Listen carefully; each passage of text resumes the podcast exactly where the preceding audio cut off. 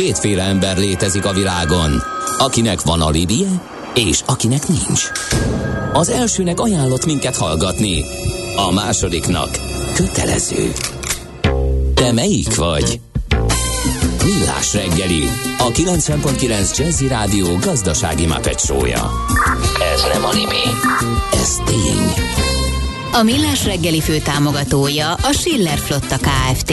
Schiller Flotta and Rent a Car. A mobilitási megoldások szakértője a Schiller Autó tagja. Autók szeretettel. Jó reggelt kívánunk, ez továbbra is a Millás reggel itt a 90.9 Jazzy Rádióban Gede Balázsjal. És Kántor Endrével és a kedves hallgatókkal 0630 20 10 909 ide lehet küldeni nekünk hozzászólásokat, kérdéseket. Az jött Balázs ennyi év után még azt hiszed, hogy Endrét meg lehet győzni bármiről. Akkor sem, ha mint most ugyanazt mondjátok, csak másképpen. Na, így van. De egyébként ez fordítva is így van. Tehát nehogy azt így a kedves hallgató, hogy Balást olyan könnyű bármiről is meggyőzni. Masszírozni kell évekig, amire végül is van belőle valami de, de várjál, az, de, de az nem azért van, mert masszíroztok évekig, éve, az évek megváltozik a helyzet, és megváltoztatom a... De, de, ez így van. Hát majd én tudok erre példát, hogy elmondom neked adásra. Rendben. Budapest legfrissebb közlekedési hírei, itt a 90.9 jazz Az útinform továbbra is uh, itt tartja a hírei között a csőtörést a 10-es főúton, a Solymári fő, körforgalom előtt történt, a 14-es kilométernél a főváros felé vezető sáv nem járható, még mindig vízes törmelék van a burkolaton, ezért nagyon lelassult a közlekedés Budapest felé, már egy kilométeres a torlódás. Baleset a Gyömrői úton befelé, a Csévéző utca után, ez nemrég történt, és a Grassalkovics úton is egy újabb baleset baleset van a Rézöntő utcánál, és a Nagy Lajos király útján az őrsvezér tér fel a Bosnyák tér előtt, ott útszűkületre is kell számítani, úgyhogy elég sok baleset ma reggel. Az erős koncentrációnak sokszor az a következménye, hogy az ember könnyen elfelejti a már befejezett dolgokat. Millás reggeli. Ó, ennek majd nekiülök egyszer egy hallgató azt írja, a legnagyobb bef- kibocsátása az ilyen embereknek van, mint ti. A pénzügyi befektetéseiteken keresztül. Utána kellene számolni egy pénzügyi befektetési egységre mekkora kibocsátás jut. Hát, hát hogyha azt... utána keresel, akkor rögtön megduplázódik. Tehát a, a, a pillanatban, hogy egy Google keresést Igen. végrehajtottál, ez már Hát pedig durva. most is, most is befektetések jönnek. Plesinger Gyula van itt velünk, az MKB Private Banking igazgatója. Szia, jó reggelt! Jó reggelt, sziasztok! Méghozzá igen hasznos, mert mi korábban csak keveset kellett gondolkodnunk az állampapírokon, ugye egy alacsony kamat környezetben, ugyanis rá lehetett legyinteni, hogy ez se hoz üzét se, az se, úgyhogy tök mindegy, miben rakom.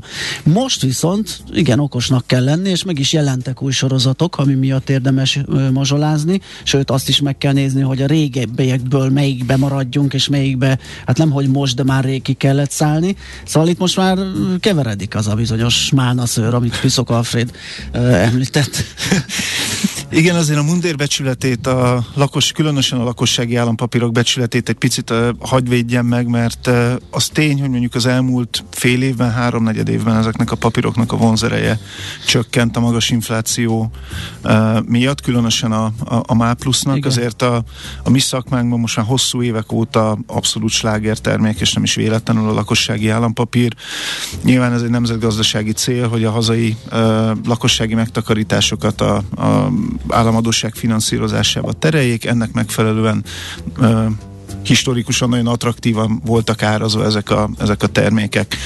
Ahogy említettem, itt volt egy kis pauza, különösen a... Hát bocsánat, a, kell is, ugye, mert itt az a, az a baj ugye a külföldivel szemben, hogy a, a hazai vagy a lakossági megtakarító rövid lejáratú inkább. Tehát itt mindig föl kell kínálni valami kis ö, vonzerőt ahhoz, hogy mindig megújuljon. Jó, jó, tehát mindig meg lehessen újítani a, a finanszírozást.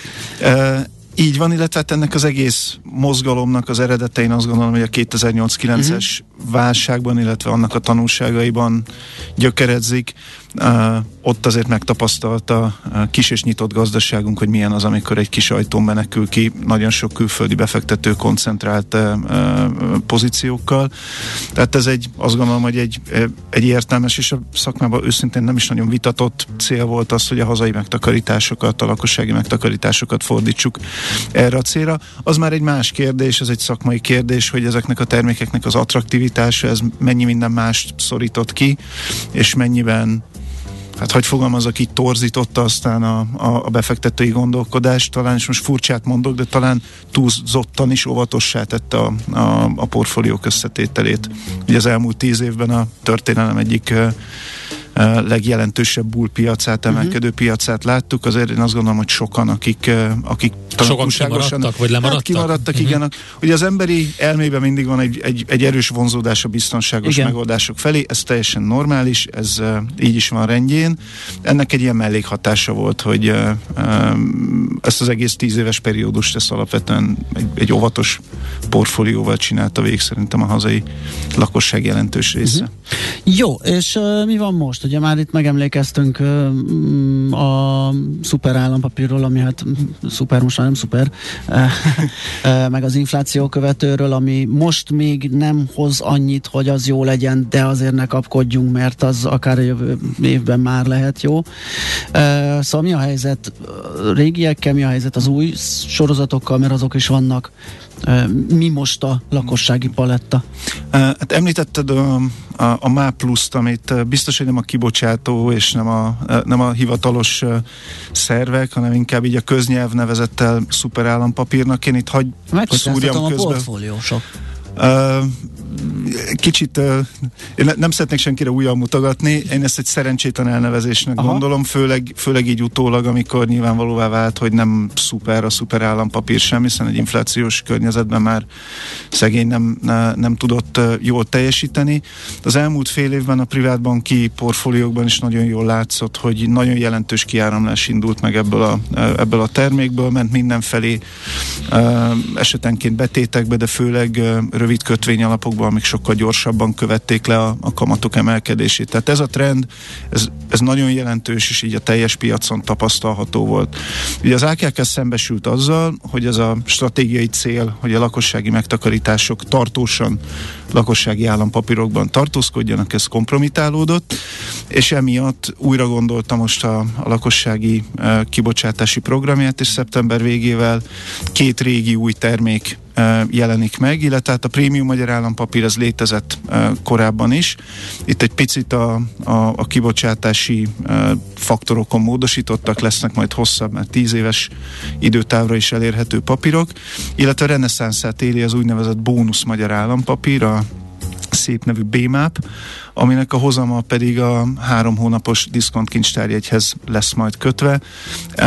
Az előző papírnak, a prémium állampapírnak, ami infláció követő a pozitív hozadéka ahogy ez a dobozon is uh, me- meg, meg van jelentetve, hogy egy kis péttel ugyan, tehát egy éves késéssel, uh-huh. de leköveti uh, a KS által publikált inflációt, tehát jövőre, amikor ezek a papírok átárazódnak, akkor Uh, hogy így fogalmazok, jóképű, jó kiállású uh, kuponokat fog tudni uh, nyújtani. A bónusz magyar állampapírnak pedig az lesz egy érdekes funkciója, hogy mivel három hónap naponta újra árazza saját magát, ezért hogyha a jegybank tovább emel és intenzíven emel kamatokat, ezt ez a papír nagyon gyorsan le fogja tudni követni. Tehát jó, szerintem jó választás volt ezt a két papírt a piacra dobni, mert mind a kettő releváns, aktuális problémák kat fog meg, és jó válaszokat is ad erre. Tehát arra számítok, hogy eh, ennek következtében azért az állampa, lakossági állampapírokból tapasztalt kiáramlás ez meg fog állni. Uh-huh. A, azzal együtt a, az infláció követőt most azért nem érdemes ott hagyni, gondolom, egy bónuszért. Ez itt egy nehéz dilemma, vagy egy nagy dilemma, nem? Ne, hát ugye ezért is, eh, erre is próbáltam utalni, hogy ezért klassz ez az új portfólió, mert igazán várakozásoktól függően lehet, uh, lehet választani. Uh, az én személyes véleményem, és ezt ugye ez most nem egy befektetési tanácsadás, csak egy, csak egy ilyen pusztába bekiáltott meglátás, hogy uh, rövid távon azért várhatóan a prémium állampapír fog jobban teljesíteni. Tehát, hogyha megnézzük, hogy hova emelhet a, a, a jegybank még esetleg tudom, 100, 200, 250, most hasamra csapok bázispont benne lehet még ebben a, kamat, kamatemelési ciklusban, az se fogja várhatóan olyan magasra tolni az alapkamatot, amilyen magas, attól tartok, az idei átlagos infláció lesz. Tehát szerintem a következő egy évben a prémium állampapírnak a vonzereje az, az magasabb lehet. A bónusz esetében ráadásul van egy olyan piaci várakozás, amit az AKK természetesen bármikor megcáfolhat, hogy azért így az alapkamat környékén környékén maximálják is majd ennek a, ennek a hozamát. Aha. Tehát igazán a, a bónuszállampapír azok számára lehet vonzó, akik most nem osztják a véleményemet, és azt gondolják, hogy jóval intenzívebb kamatemelés lesz, vagy akik úgy számolnak, hogy az infláció nagyon gyorsan vissza fog esni már a jövő év folyamán, és ugyan kihagynak egy évet, ami, ami a PMAP, a prémium állampapír szempontjából sikeresebb, de benne maradnak egy olyan papírban, ami meg ugye a hosszabb távon magasabb hazai alapkamatokat követi le. Tehát igazán még egyszer nincs tuti jó válasz, de pont szerintem ez a jó, mert hogy, hogy balanszba tartja ezt a lakossági állampapír portfóliót. Én őszintén remélem, jó szándékkal mondom, amit mondok, hogy nem fogunk egy olyan epizódot látni, amikor tényleg mindent elsöpör egy termék és őrült koncentráció mm. uh, uh, kerül egy, egy, egy sorozatba. De ugye itt is elmondhatjuk, hogy aki nem akar, vagy nem tud gondolkodni a jövőről, vagy nincs ilyen meglátása, tehát ez nem feltétlenül egy vagy-vagy kérdés, hanem tart, csinálhat egy állampapír portfóliót is akár, és tarthatja az egyiket is, másikat is egymás mellett, abból majd lesz egy valamilyen uh, átlaghozama. Í- így van, nagyot nem fog hibázni senki, Igen. hogyha ha megosztja a megtakarításait a két, két termék között. Uh-huh. Jó, hát itt a jövővel kapcsolatban meg az, hogy mit tudunk lekövetni, meg mire tudunk felkészülni, inkább ez a, ugye ez a, a gondolkodásnak a, a, a veleje, vagy a, a, a próbája. És hát főleg ugye egy ilyen helyzetben, amikor azt látjuk tegnap is, a tegnap előtti kereskedésben is, hogy hát bizony mindenki megint a Fedre vár, úgyhogy a, a jegybanknak a szerepe ebből a szempontból most megint felerősödött. Erről szerintem beszéljünk mindenképpen egy kis zene után, úgyhogy a hallgatók is kérdezték ezt a témát, és nagyon fontos a mai döntés. Azt hiszem 75, ugye a, a bázispont, az a, várás, az a várakozás. Hát a 100 az extrém igen, úgy tudnám megfogalmazni egy kicsit megkínozva a magyar nyelvet, hogy a piac 75 bázispontot vár, és százra készül. Aha, okay. Jó, hát akkor innen folytatjuk. Plesinger Gyula van itt velünk, az MKB Private Banking igazgatója. Hát, hogyha hallgatók kérdezi, hogy sziasztok, tegyük fel, van egy millió forintom, tegyük fel, nem szeretném felhasználni a következő pár évben, melyik állampapírba tegyem, hogy ne a bankba termelje a pénzt. Pont most tettük rá pontot a zene előtt, és mondtuk el, anélkül, hogy befektetési tanácsadást, ajánlást tettünk volna. Plesinger Gyulával, aki a vendégünk, az MKB Private Banking igazgatója, úgyhogy ha esetleg lemaradt róla a kedves hallgató, a millásregeli.hu majd vissza. Diversifikáljon. Na de beszéljünk a Fed nyílt piaci bizottságáról és arról, hogy milyen döntést hoznak meg. Ezt feszülten figyeli a világpiac. Néha, néha pessimistában, néha optimistában. Ma, ma lesz a döntés.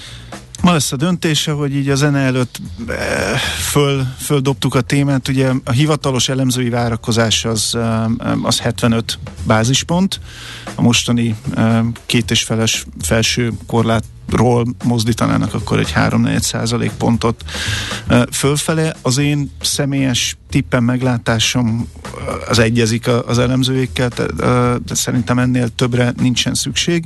Viszont ami ezelőtt a döntés előtt most érdekes és izgalmas, és a piacokat az elmúlt három napban mozgatta, hogy azért felmerült, hogy a legutóbbi vártnál rosszabb, kedvezőtlenebb inflációs adat miatt még inkább bekeményít majd a Fed, és akkor 100 bázispontot fog szállítani.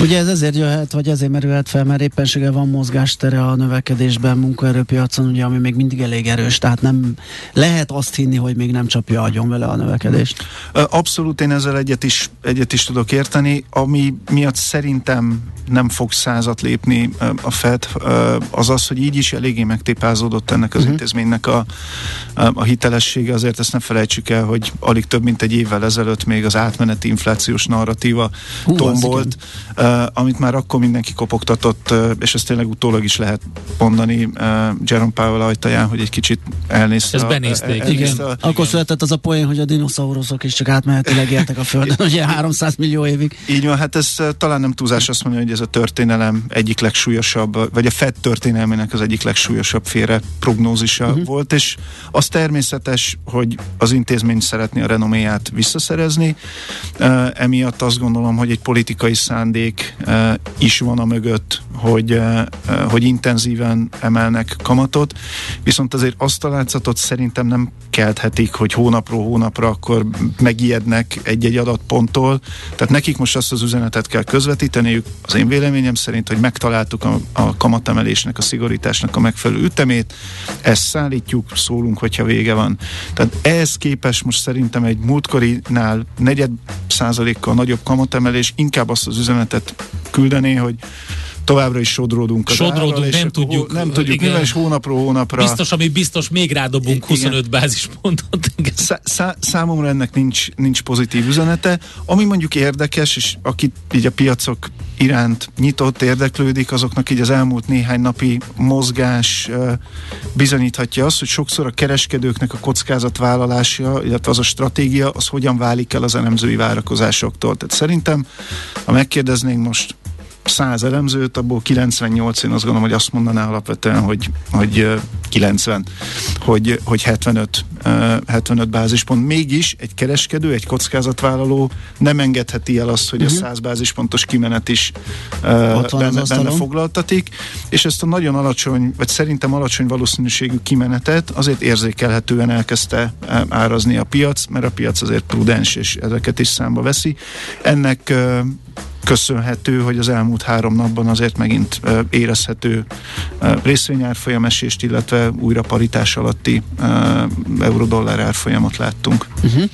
Jó, hát meglátjuk, mi lesz, meg meglátjuk, mit mond utána a Jerome Powell, mm. ugye, mert az még fontos szokott lenni kimazsolázni. Nyolckor van a kamat döntés, fél kilenckor a tájékoztató, hogy hát hogyan tovább, és, és mire gondol, hát azt aztán most végképp nem fogjuk itt tudni kitalálni. Hogy... De nekünk van saját kis uh, van saját izgalmunk, intézményünk, igen. meg forintunk, meg minden, úgyhogy beszéljünk egy kicsit erről is. A, a forint mozgás ebben az előbb, előbb említett turbulens elmúlt három napban számomra egy egy, egy rendkívüli meglepetést tartogatott. Ugye hétvégén kedvezőtlen hírek láttak napvilágot, vagy legalábbis első olvasatra kedvezőtlen hírek láttak napvilágot ugye a Magyarország és az Európai Unió vitájával kapcsolatban, amire hát ökölszabály szerint piacon már sok éve működő lelkes amatőrként azt gondoltam, hogy mondjuk ez pozitívumként nem fogja értékelni uh-huh. a piac. Teljes forint összeomlásra ugyan nem számítottam hétfő reggel, de uh-huh. az, hogy egy gyengébb nyitás lesz, és egy, egy, egy óvatosabb kereskedés arra mindenképpen, és hát nem is lepődhettem volna meg jobban, mert ugye a forintunk aztán 400 alá is bekukkantott. Uh-huh. És ugye ez megint egy érdekes így utólag diagnosztizálva a helyzetet, egy érdekes piaci dinamikát mutat meg az érdeklődők számára. Van egy ilyen piaci zsargon, amit így magyarul úgy tudnánk fordítani, hogy ugye vegy, vegyük meg a plegykát, aztán adjuk el a tényt. A piac valószínűleg várta várt egy ilyen kimenetet. A külföldi nagyobb spekulánsok, akik forint elleni pozíciót vettek föl, valószínűleg vártak egy olyan kifejletet, hogy a, az Unió egy komolyabb büntetés szankciót helyez kilátásba.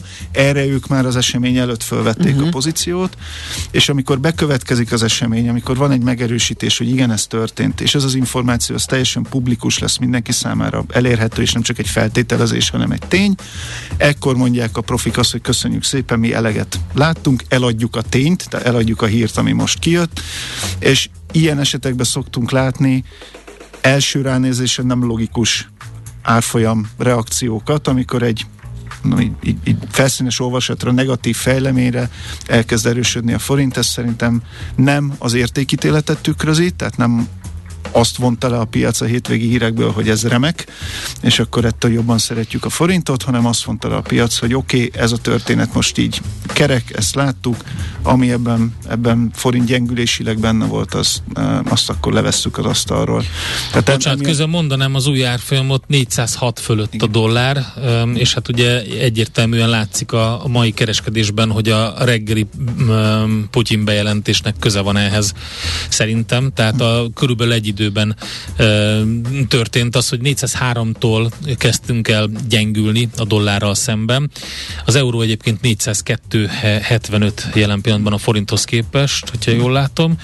E, igen. Igen, és erre szoktam mondani ebben a műsorban is, hogy közgazdászként bármit meg tudok magyarázni. Ugye az előző, e, előző gondolatmenetet folytatva, hogy nem azért erősödött a forint, mert hogy fundamentálisan javult a helyzet, éppen ezért e, minősül tulajdonképpen átmenetinek is, hát mert tegnap is ugye 400-at elérte megint a, az árfolyam, és szerintem most abban az üzemmódon vagyunk. Egyrészt a reggeli uh, részleges mozgósításról szóló hír nyilván nem tesz jót a, a forintnak, illetve hát az esti kamat döntésre való készülés, amiről, amiről beszéltünk, hogy a piac 75-öt vár, de 100 bázispontra készül, az konzisztens azzal, hogy a fejlődő dollár erősödik, a fejlődő piaci devizák pedig, pedig gyengülnek, különösen azok az érzékeny devizák, ahová most sajnos remélem átmenet. De hogyha itt a hatásokat, bocs, bocsánat, Igen. hogyha a hatásokat nézzük, akkor baromi nehéz, mert ugye van egy, tehát ilyenkor, ilyenkor aduász ugye a, a, a háborús hír, a hábor, tehát az, az, az überel mindent, übereli azt, hogy, hogy milyen vállalásokat tesz a magyar kormányzat az Európai Bizottság felé, meg mindent, mert, mert történik egy ilyen bejelentés, és rögtön egy elszálló árfolyamot láttunk. Ugye akkor van még ugye mondjuk esetleg a gázkrízissel kapcsolatos bármilyen információ, ez jöhet még, de hogyha ezektől megfosztjuk, ha ezek éppen nem történnek, vagy nincs különleges bejelentés, vagy hirtelen elugró árfolyam, akkor is ott van ez a hosszabb távon ható valami, amit az előbb említettem a forinttal kapcsolatban, és főleg az euróforint árfolyamra van hatással, ugye a, az uniós pénzeknek a, a, a kérdésköre. Így van, de hogyha még ettől is megcsupaszítjuk, a, a, és itt megállunk, okay. a, a, a forintot, akkor azt látjuk, hogy van, a, van egy sajnos eléggé kiszélesedett folyófizetési mérleg hiány, ami tankönyvek szerint, meg álmos könyvek szerint önmagában már ugye forint gyengülést Aha. kell, hogy okozzon. Van egy olyan inflációs trend, ami így a rezsicsökkentés mérséklése miatt nekem nincs Excel modellem, nem fog tudni nagyon okosat mondani, de kockázatokat látok, hogy a magyar infláció az európaihoz képest szignifikánsan magasabb lehet, ami szintén forint gyengítő. Ezt súlyosbítja az Endre által említett tény, hogy a folyófizetési mérlegre közvetlenül ható EU-s finanszírozások, transferek jövőjével kapcsolatban azért kétségek vannak, nyilván közös érdek, hogy megegyezzünk. Meg én személy szerint bízom abban, hogy ennek reális esélye van, de ettől még kockázatként ott van, és akkor ezt még hát nyakon öntjük egy, egy, egy geopolitikai krízissel.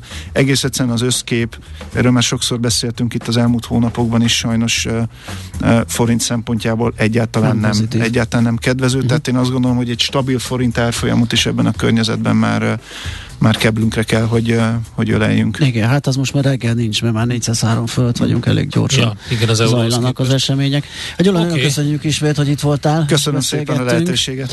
Plesinger Gyula volt a vendégünk, az MKB Private Banking igazgatója, megyünk tovább hírekkel. Műsorunkban termék megjelenítést hallhattak. A Millás reggelit nem csak hallgatni, de nézni is lehet. millásreggeli.hu Aranyköpés a Millás reggeliben. Mindenre van egy idézetünk. Ez megspórolja az eredeti gondolatokat. De nem mind arany, ami fényli. Lehet kedvező körülmények közt gyémánt is.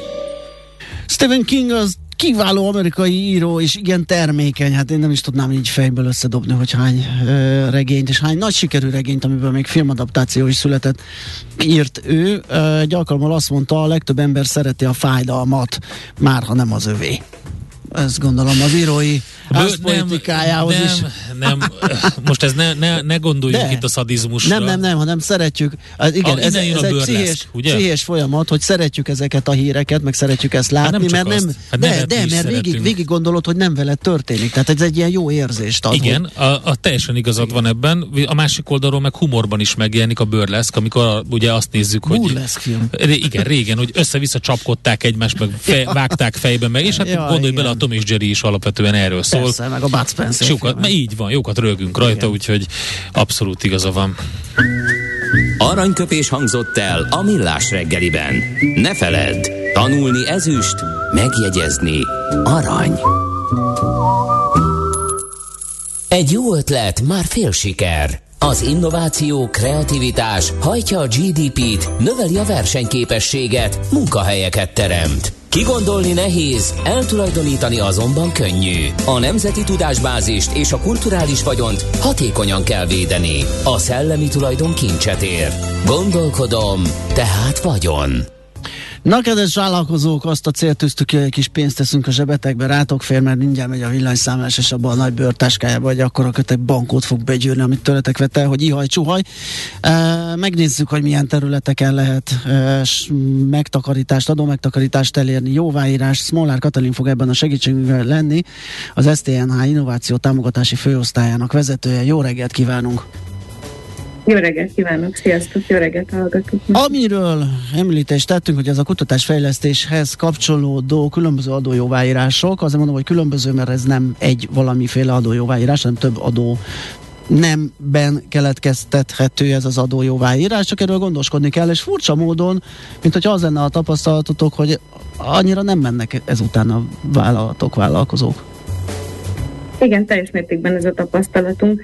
Nyilván sokkal egyszerűbb a pályázati pénzeket megfogni, mert sokkal átláthatóbb az a rendszer, sokkal kevesebb adminisztrációval jár, bár a pályázatok is sok adminisztrációval járnak, de az adókedvezményekhez meglehetősen tudatosan kell gondolkodni. Egyébként minden szellemi tulajdonnal kapcsolatos kérdésben meglehetősen tudatosan kell gondolkodni, úgyhogy ez erre a, a vonalra teljesen jól rá tud csatlakozni ez az adókedvezmény kérdés. Minden olyan cég, aki kutatásfejlesztéssel vagy valamiféle innovációval foglalkozik, jogosult lehet adókedvezmények igénybevételére, mégsem foglalkoznak eleget vele. Jogosult lehet például társasági adókedvezményre, és 9% a társasági adó, tehát szerintem ez elég jelentős összeget kitehet. Ehhez Csupán arra van szükség, hogy saját tevékenységi körben végezze azt az adott kutatásfejlesztési folyamatot, amiről mi a Szellemi Tulajdon Nemzeti Hivatala tudunk kiállítani neki. Na ez egy, ez egy fontos momentum, hogy ezekhez az adóvisszaigénylésekhez, és már mindjárt megbeszéljük a többit, sőt ezt is majd még pontosítjuk, hogy egész százalékosan vagy összegszerűen mit jelent ez a társasági adó, adó visszatérítés, hogy ez feltétele minden esetben, hogy a hivatalotok validálja azt a bizonyos K plusz F tevékenységet? Nem feltétele, Nem. viszont hogyha az adóhatóság kérdőre vonja, hogy valóban kutatásfejlesztést végzette abban az adott projektben, akkor a mi papírunkat tudja előrántani a fiókból, hogy igen, Aha. neki van hivatalos igazolása. És akkor azzal le is zárult ez a vizsgálat, e, ellenkező esetben pedig lehet az összes paksamétát elővenni és meggyőzni az adóellenőrt, hogy már pedig ez K plusz F volt abszolút az a tapasztalatunk, hogy az adóhatóság azokat a projekteket félre rakja már, hogy kutatásfejlesztési szempontból. Tehát ő örül a mi papírunknak, hiszen mi vagyunk a felkent hivatal, aki megállapítja, hogy kutatásfejlesztés történt abban. Ez nagyon jó. Akkor ez így egy, egy viszonylag egyszerű folyamat, és akkor mennyit lehet ezen Na nézzük fogni? a társasági adót, igen, ahol említetted ugye a 9%-ot, és hogy valamit, valamikor adó visszatérítés jöhet, mennyi, milyen mértékű? Igen. Alapkedvezményt lehet igénybe venni a társasági adó esetén. Sőt, az állam szeretné támogatni azt is, hogy, hogy állami kutatóintézetektől vegyék igénybe azt az adott kutatást, hogyha mondjuk van egy cég, aki, aki önmagában nem végez, nem foglalkozik kutatásfejlesztéssel, de szeretne valamilyen innovációt megvalósítani, és az megrendeli mondjuk egy állami kutatóintézettől, akkor annak az összegnek, amennyiért ő megrendelte, a háromszorosát is igénybe veheti kedvezményként. És ez adó alapcsökkentő, tehát ugye az adó alapját csökkentheti, tehát gyakorlatilag ennek az összegnek a 9%-át meg lehet takarítani. Igen, sőt, hogyha végrehajt nagy mértékű, tehát 100 millió forint feletti Aha. kutatásfejlesztési beruházást, akkor azt viszont az adójából, tehát nem az adó alapból, Aha. hanem az adójából írhatja le, és ez több éven keresztül. Hát ez komoly tétel, és még csak a lista elején tartunk, úgyhogy szerintem nagyon jó, hogy beszélünk erről. Mert hogy ugye helyi adók esetében is, mint például az iparüzési adó érvényesíthető ilyesmi. Így van, az iparűzési adó esetében is ugyanez a helyzet, hogy az adó alapját lehet csökkenteni, sőt, vannak olyan városok, akik erre a helyi iparűzési adókról szóló törvény lehetőséget biztosít a városoknak, hogy további kedvezményeket biztosítsanak, és azok a városok, akik ezt megte- megteszik, még az adóból is, tehát nem csak az adó alapból, hanem az adóból is 10%-ot adhatnak. Uh-huh. Szociális hozzájárulási adó? Abból is van, nagyon jó a vonal, amin elindultál, de még megemlíteném, hogy a kiva is létezik, tehát a kivásoknak ugye nem kell se TAO-t, se, se szocót fizetniük, viszont 5% adó megtakarítást a, a bérek után, tehát a K plusz F munkakörben foglalkoztatott kutatók Aha. után, bére után 5%-ot ők is megtakaríthatnak. A, a szociális hozzájárulási adó is van, így van, ahogy említetted, ebben az esetben is például, ha PhD végzettséggel rendelkező kutatót foglalkoztat a cég, akkor az ő bérének a szocóját, ami most 13,5 százalék, teljes egészében 100 százalékban. Ha nincsen PhD végzettsége, akkor is az 50 százalékát megtakaríthatjuk ennek az összegnek. És akkor ami épp nem az épp aktuális K plusz F tevékenységhez kötődik, hanem már valami megtörtént, lezajlott, és azután jogdíj bevételre tesz szert a, a cég, még ott is lehet valami kedvezmény. fejlesztési tevékenységet végezni. Elég, hogyha van valamilyen innováció, mondjuk a cégnek van egy szabadalma, vagy mostanában az IT-s cégeknél nagyon gyakori, hogy jól megfogalmazott szerződéseket, tehát hogyha ha ő licencbe adja azt, ami, azt a a, amit ő létrehozott, azt az innovációt, azt a, a programot, amit megalkotott, akkor ezután is jogosult a társasági adójának a felét kedvezményként igénybe venni, tehát ez, ez meg aztán abszolút bónusz. Tehát ez teljesen. Tevékenység. Az előző három, ami ugye az mondjuk egy éppen aktuális, vagy egy éppen zárult K plusz F tevékenységhez vonat, vonat, kapcsolódó adó kedvezmény, az akár egy ilyen K plusz F tevékenység esetében is igénybe vehető mind a három adónemre, igaz? Igen, végülis egy szelet tortát kétszer nem lehet megenni, Igen, tehát hogyha ez... már bérre igénybe vetted egyszer, a, mondjuk a szocó kedvezményt, Aha. akkor a bért nem állíthatod be újra a társasági adóban is, de a többit például bérleti díjat, Aha. az épületnek, ahol végzed a K plusz F-et, akkor ott a TAU-t is igénybe veheted, a szocót is igénybe veheted, a helyi iparüzési adót is, igen, a helyi iparüzési adó meg a, a TAU az működik együtt.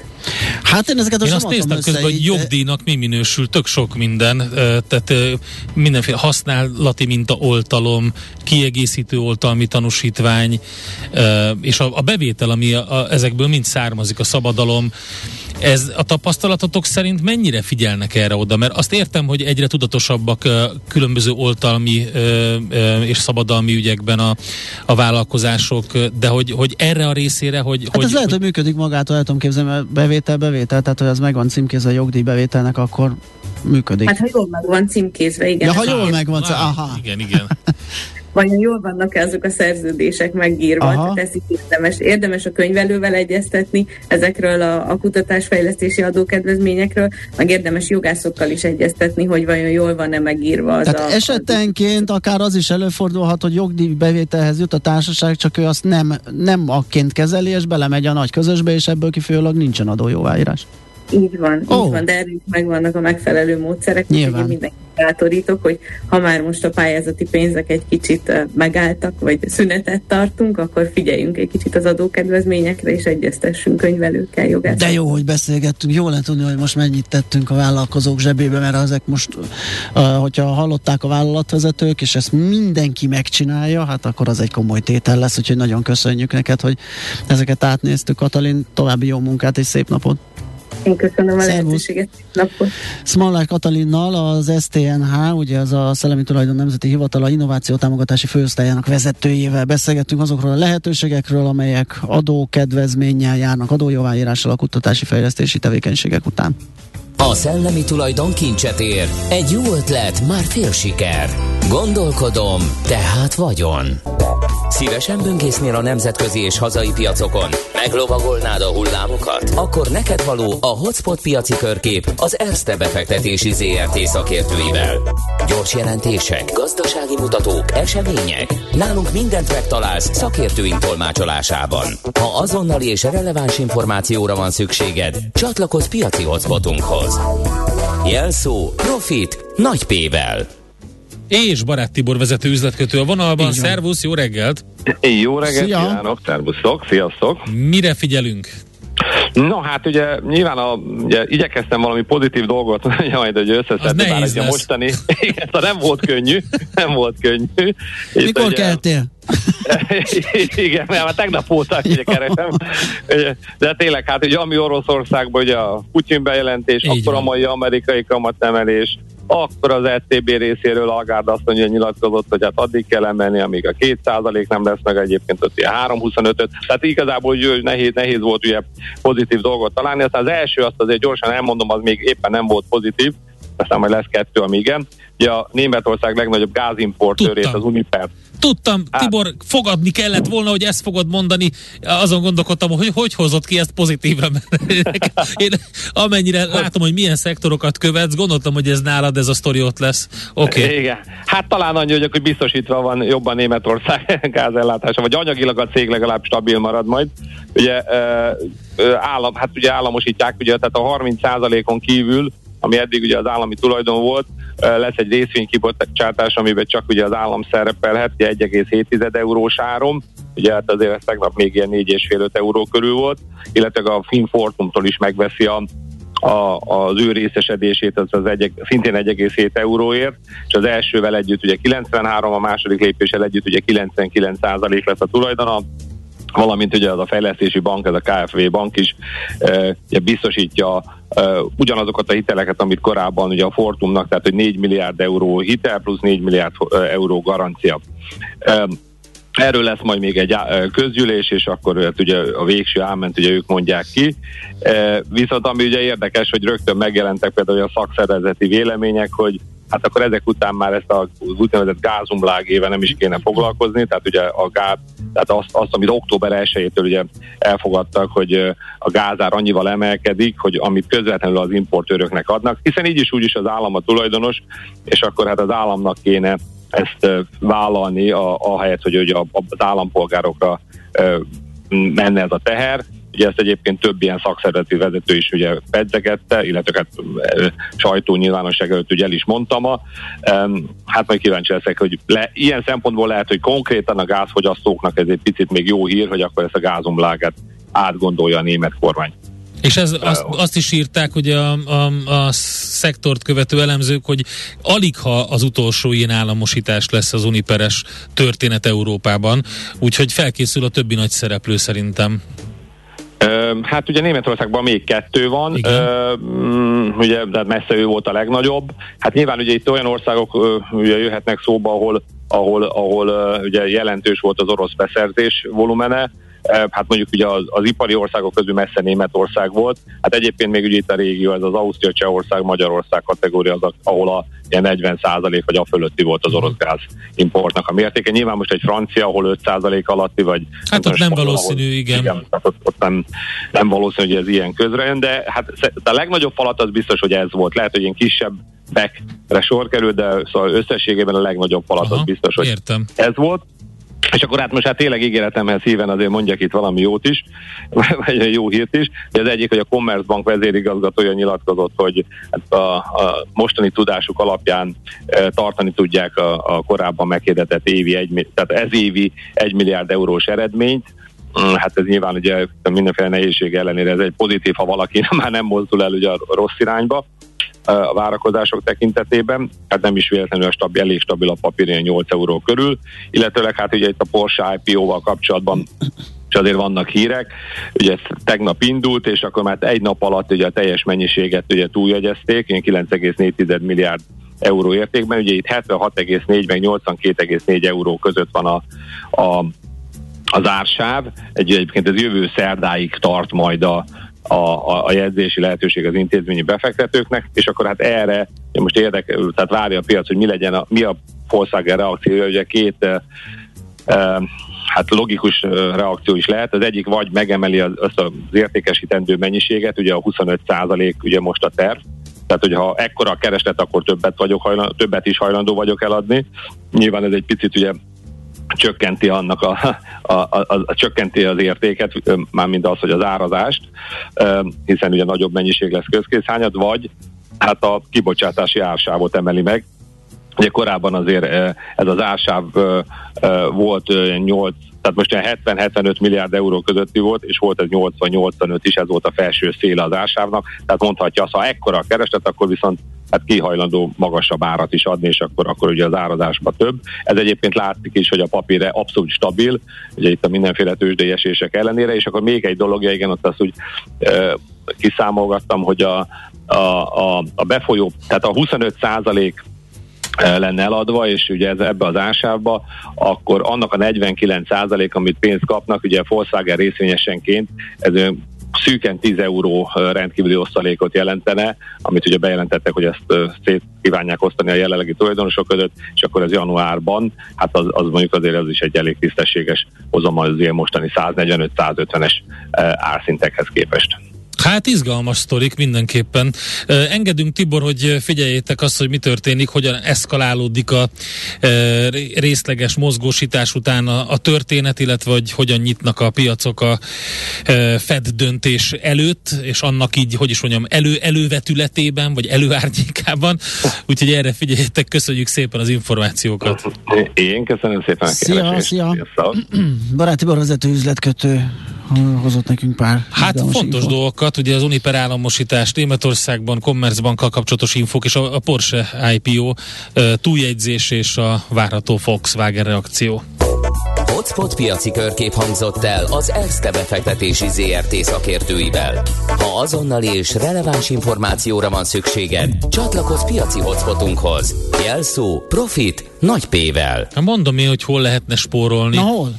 Havi 460 ezer forintért albérletet, 900 ezer forintért irodát kapnak az országgyűlési képviselők. Jakab István például egy 170 négyzetméteres lakásban piheni ki az ülések fáradalmait, mm. de Torockai László albérlete is majdnem fél millió forintba kerül az államnak. Van olyan, akinek 40 kilométerre van háza a parlamenttől, de a fővárosban is bérelnek neki lakást, biztos, ami biztos hát oda jusson. Például Kocsis Máté a 7. kerületben, Gyurcsányék a Terész körúton kértek irodát uh-huh. az országgyűlés hivatalától, a magas fizetés mellé pedig természetesen számos más juttatás is jár, úgyhogy teljesen megéri e, részt venni ebben a mókában, amit úgy hívunk, hogy parlament, és Nagyon közben jó. ugye azon vitatkozni, hogy van-e elég óvónő, kapnak -e elég bért a tanárok, és most persze didaktikus vagyok, de hogy is mondjam, szóval azért ez így elég sok kérdést vet fel. Ha valakit részletesebben érdekel a Telexem most címoldalon ez a cikk. Vasszal írt nekünk, hogy az m északi híd Buda felé áll, na jó, 10 km per óra. Uh-huh. m 0 Budapest és sáv dugó, Szentendrei út alatti körforgó becsatlakozásánál koccanás lehet, mert az emberek az autók mellett állnak, uh-huh. írja ő. A jó hír, hogy ide értem a MASZESZ rendezvényre energiahatékonyságról adok elő. Szép napot nektek. Na, hát az igen, jó lett volna. Jó, le, jó felütéssel Jó, kezdeni. jó, hogy az előadó megérkezik, az egy az szerencsés biztos. helyzet. Megyünk tovább, jövünk vissza. Megyünk, jövünk, megyünk, jövünk, minden, lesz itt minden. minden. mozgásban vagyunk. Műsorunkban termék megjelenítést hallhattak. Nézz is! Ne csak hallgass! millásreggeli.hu